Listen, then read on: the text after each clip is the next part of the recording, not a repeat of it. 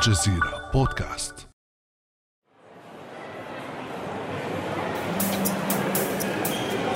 يفحص موظف المطار جوازات سفر المسافرين واحدا تلو الآخر ثم يطلب من كل مسافر يتقدم إليه يطلب منه النظر إلى الكاميرا المثبتة أمامه إلى الأعلى قليلا ليتأكد من هويته من خلال الوجه. الأمر الذي لا يستغرق سوى ثانيتين اثنتين. وما أن يدخل المسافر المدينة المكتظة بالسياح حتى يشعر بأنه محاصر من خلال الكاميرات التي تراقبه من كل مكان في الشوارع في الأسواق. في المراكز التجارية في البنايات السكنية في المطاعم في الحانات في كل مكان. هكذا تعمل أجهزة الشرطة والحكومات عبر مدن ذكية تحيطها تكنولوجيا المراقبة من كل اتجاه. وفي الوقت الذي أضحت فيه هذه التكنولوجيا مجالا حيويا للتنافس. على انتاجه بين كل من الصين والولايات المتحدة بشكل رئيسي تثور مخاوف أمريكية من سعي بيجين الحثيث للسيطرة على سوق التكنولوجيا المراقبة. فكيف أصبح الإنسان ومعه المدن والمنشآت الكبيرة محاطا بأنظمة الرقابة من كل اتجاه؟ وهل تعتبر تكنولوجيا الرقابة هذه بمثابة تجارة أم أمن قومي؟ وما دورها في خارطة السيطرة والنفوذ عالميا؟ وما تأثيراتها على حقوق وحريات الإنسان؟ بعد أمس من الجزيرة بودكاست أنا خديجة بن جنة.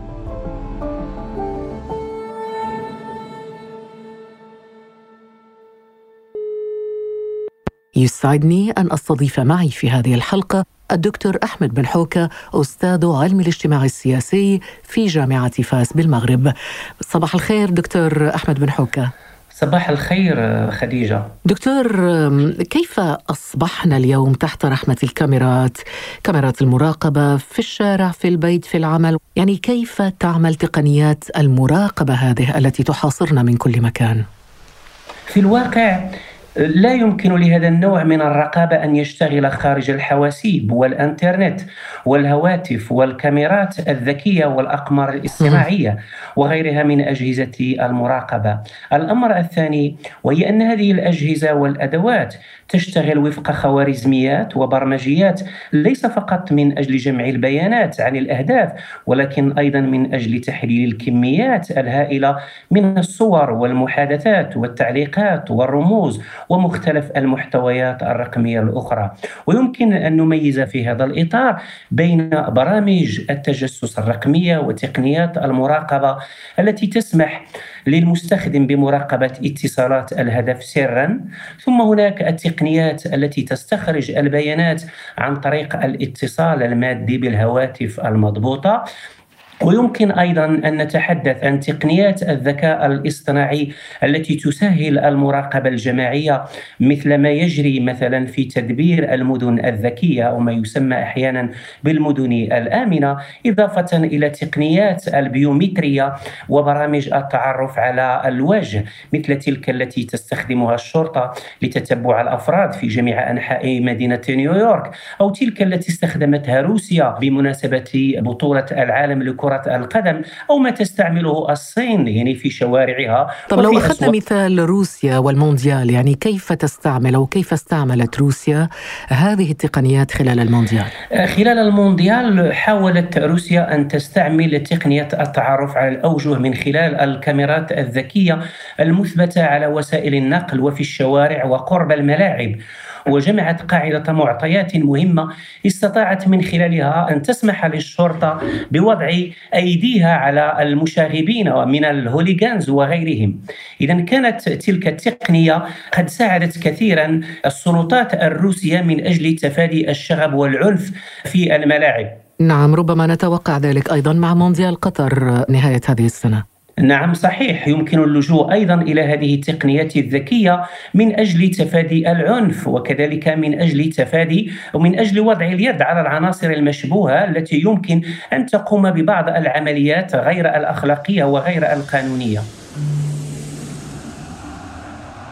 كيف يتم الأمر دكتور؟ يعني أنا مشجع أو أنا مشجعة وجئت من بلد آخر وأريد يعني أن أحضر المونديال وسأسجل اسمي الكترونيا على قائمة المشجعين وأدخل إلى المطار. خلينا نصور العملية أو يعني نشرح هذه العملية كيف تتم المراقبة الإلكترونية لشخص يدخل إلى بلد بدءا من المطار.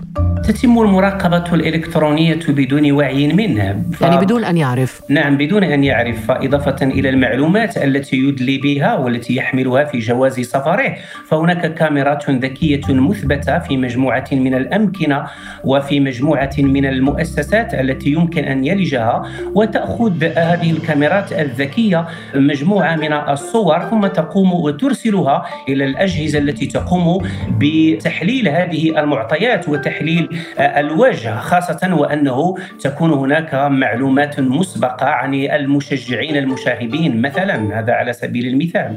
واضح دكتور أحمد بن حوكة أنه العملية تقنية 100% ومعقدة ربما لأنها مرتبطة بجهات أمنية وتتم عبر الأقمار الاصطناعية وأجهزة كمبيوتر أو أجهزة هواتف نقالة عبر خوارزميات محددة وبرمجيات محددة.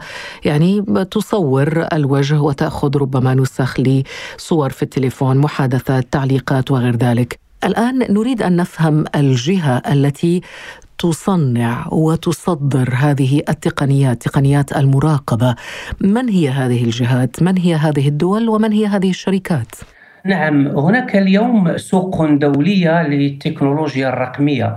وهي الإشارة سوق ليست بالضرورة مضبوطة من الناحية القانونية. وتحتل الصين والولايات المتحدة الأمريكية يعني الدور الطلائعي في هذه السوق. فهناك مجموعة من الشركات الصينية التي تشتغل في هذا المجال مثل شركات هواوي وهيكفيجن ودهوا ومجموعة علي بابا ومجموعة آنت جروب. إضافة إلى شركات أخرى تشاينا موبايل. إضافة إضافة إلى شركات أمريكية أيضا لها سبق كبير في هذا السوق مثل شركتي آي بي إم آبل إنتل جوجل فيسبوك ويسترن ديجيتال. إلى غير ذلك من الشركات التي تقوم وهناك أيضا دكتور أحمد شركة إن إس أو الإسرائيلية التي صنعت نظام التجسس عبر بيجاسوس. نعم صحيح في نعم ليست فقط الشركات الأمريكية والصينية ولكن هناك صعود كبير للشركات الإسرائيلية خاصة فيما يتعلق بمجال التجسس. فيمكن أن نتحدث مثلا عن شركة ان اس أو الإسرائيلية وكذلك شركة نايس سيستمز الإسرائيلية وهناك شركة ناروس الإسرائيلية دائما وهي شركات لديها علاقات كبيرة جدا مع الأذرع المخابراتية لإسرائيل بحيث أن المشتغلين بأجهزة المخابرات بعد تقاعدهم أو بعد انصرافهم قد التحقوا بالعمل في هذه الشركات. وإسرائيل يعني معروفة ببيع مجموعة من التجسس لمجموعة من البلدان في العالم. وهناك أيضا شركات إيطالية مثل هاكينج تيم وشركة جاما وشركة بلوكوت الأمريكية وهي شركات يعني مختصة في صناعة أدوات التجسس الإلكتروني. طيب الصين ذكرنا أمريكا ذكرنا الصين ذكرنا إيطاليا ذكرنا إسرائيل وربما دول أخرى متخصصة في هذا الأمر. لكن من الدول التي تستورد هذه التكنولوجيا خلينا نبقى في دائرة العالم العربي وهذا ما يهم ربما المستمع العربي أكثر. من هي أكثر الدول العربية شراء لهذه البرمجيات أو هذه الأنظمة أنظمة المراقبة الإلكترونية؟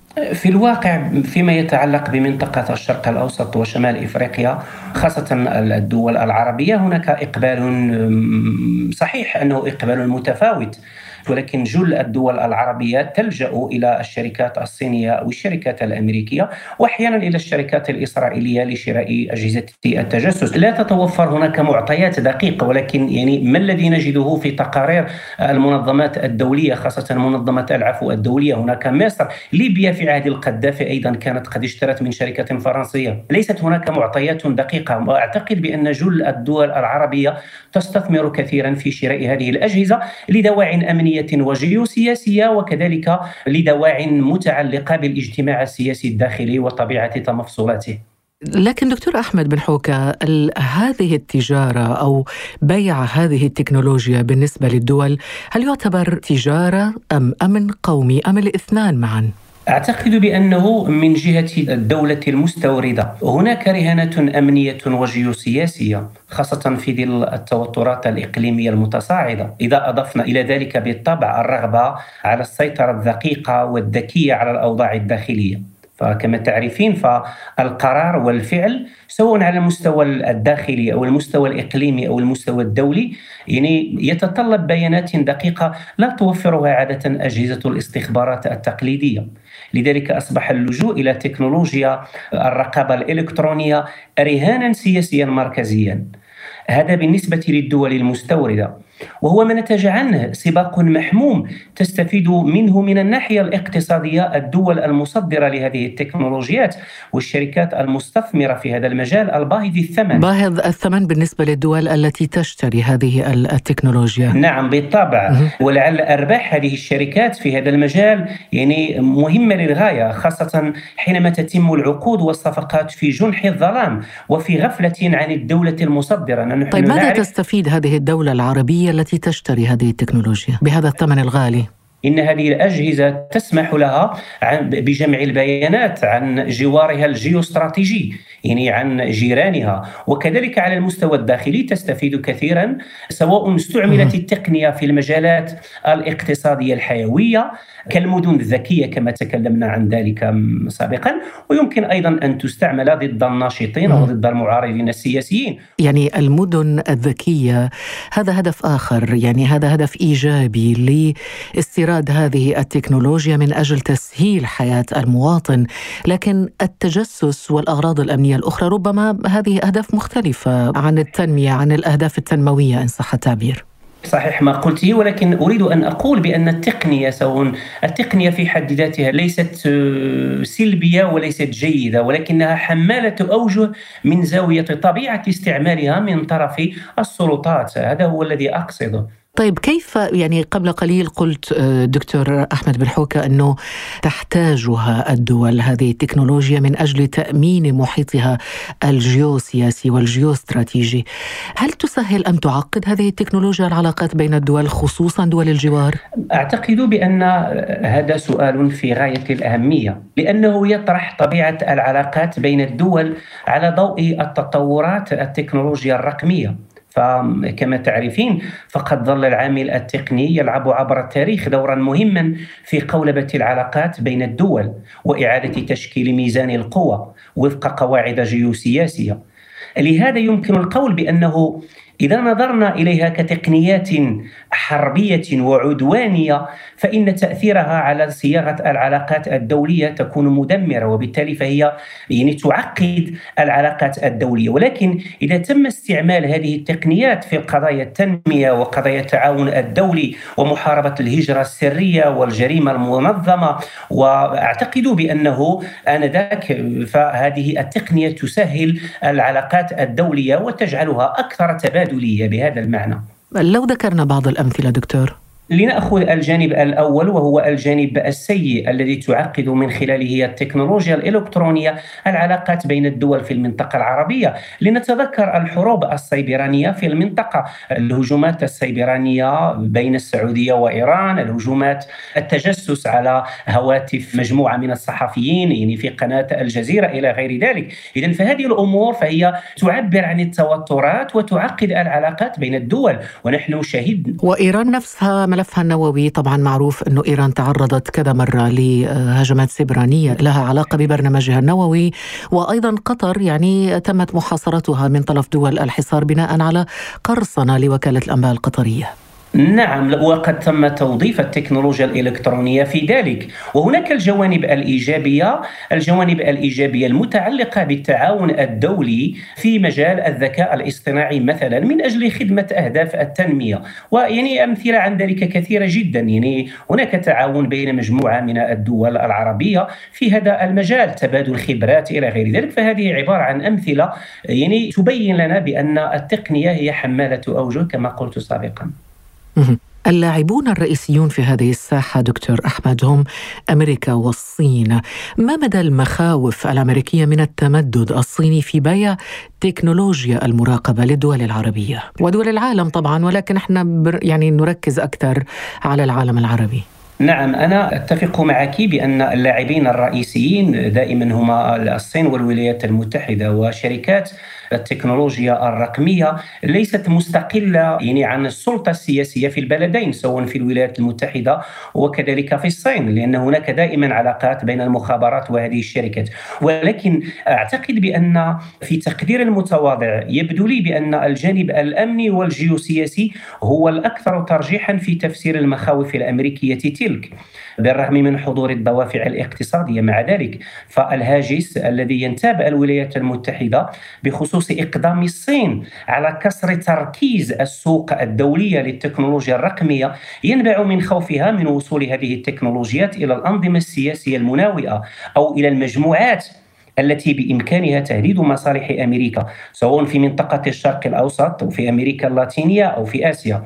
إن انتشار تكنولوجيا المراقبة تلك يعني وضع حدود جيوسياسية لنفوذ الولايات المتحدة الأمريكية. ويمكن القول في هذا الإطار بأن جانبا كبيرا من الصراع بين البلدين ينبني في العمق على اختلاف استراتيجيات ما يمكن أن نسميه بالاستعمار الجديد للعالم والتحكم فيه خاصة مع صعود الصين. دكتور الدولة التي تستخدم هذه التقنيات ولنأخذ دولة من الدول مثلا تستخدم نظام التجسس بيجاسوس على سبيل المثال. هل هناك ما يردع؟ هل هناك قوانين؟ طبعا هناك كلام رائج كثيرا في الأوساط السياسية والإعلامية عن دول تستخدم هذه الأنظمة. هل هناك منظومة تشريعية قوانين تكبح هذه المسألة برأيك؟ دعيني في البداية أبدأ بهناك مجموعة من الدول تستعمل ليس بيجاسوس فقط ولكن هناك أيضا برمجيات للتجسس كثيرة ولا نعلم عنها الكثير لأن الأمور عادة ما يعني آه، تطبعها السرية ولكن على مستوى القانوني تجب الإشارة أو تجدر الإشارة إلى الطابع المعقد لهذه التكنولوجيات وصعوبات الضبط التشريعي لاستعمالاتها.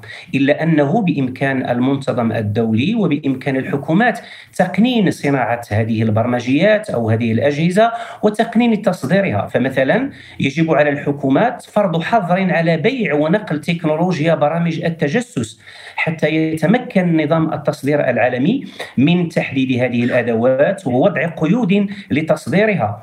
هناك يجب أيضا مثلا على الحكومات التي تستخدم هذه التقنيات وضع متطلبات شفافة تستند إلى سيادة القانون. طبعا هذا لن يحدث دكتور حتى نكون واقعيين، طبعا ليس هناك دولة ليس هناك دولة ستفعل ذلك من تلقاء نفسها. نعم صحيح ولكن نحن ننتظر من المنتظم الدولي والمنتظم الدولي كما تعرفين من هو المنتظم الدولي؟ نعم صحيح. ليس سلطة تشريعية موحدة. المنتظم الدولي يعني المنتظر بمعنى الضمير الأخلاقي. طيب هناك ضمير أخلاقي عالمي؟ يمكن أن نفترض فقهاء القانون الدولي يفترضون بأن هناك ضمير أخلاقي عالمي في صراع مع إرادات الهيمنة. طيب هذا يبدو كلاما جميلا على المستوى النظري دكتور أحمد. على المستوى الواقعي هذا الكلام يعني لا يجد له تطبيقا على أرض الواقع. نحن نعرف بأنه كانت هناك شركتان فرنسيتان تمت محاكمتهما في فرنسا وهي شركة اميسيس وكذلك نيكسا تكنولوجيز لأنها تمت محاكمتهما بناء على قوانين وتشريعات وليس بناء على الضمير أو صحوة الضمير نعم بناء على قوانين ومن أين تأتي التشريعات؟ التشريعات لا بد لها من ضمير يكون وراءها يكون هو الخلفية الأساسية لتلك التشريعات طيب هذا على مستوى الدول والشركات على المستوى الفردي دكتور أحمد إذا كنت قبل قليل أنت ذكرت مثال صحفي الجزيرة وهناك عشرات الصحفيين ربما 40 أو 37 صحفي من صحفي الجزيرة تعرضوا فعلا أو تعرضت هواتفهم للتجسس والقرصنة وغير ذلك إذا أردت أن أحمي نفسي على المستوى الفردي ماذا أفعل؟ في الواقع أعتقد بأنه لا يمكن للمرء أن يحمي نفسه في عهد الثورة التكنولوجية. لماذا لم هناك من يتحدث عن الإنسان العاري لأنه حين تستخدم الهواتف وحين تغوص في وسائط التواصل الاجتماعي فإن البيانات التي تدلي بها تتم قرصنتها بسهولة، لذلك يمكن القول بأن الفرد اليوم أو الإنسان اليوم أصبح أكثر هشاشة من الماضي. طيب ما المطلوب برأيك دكتور أحمد بن حوكة كي نختم هذه الحلقة ب...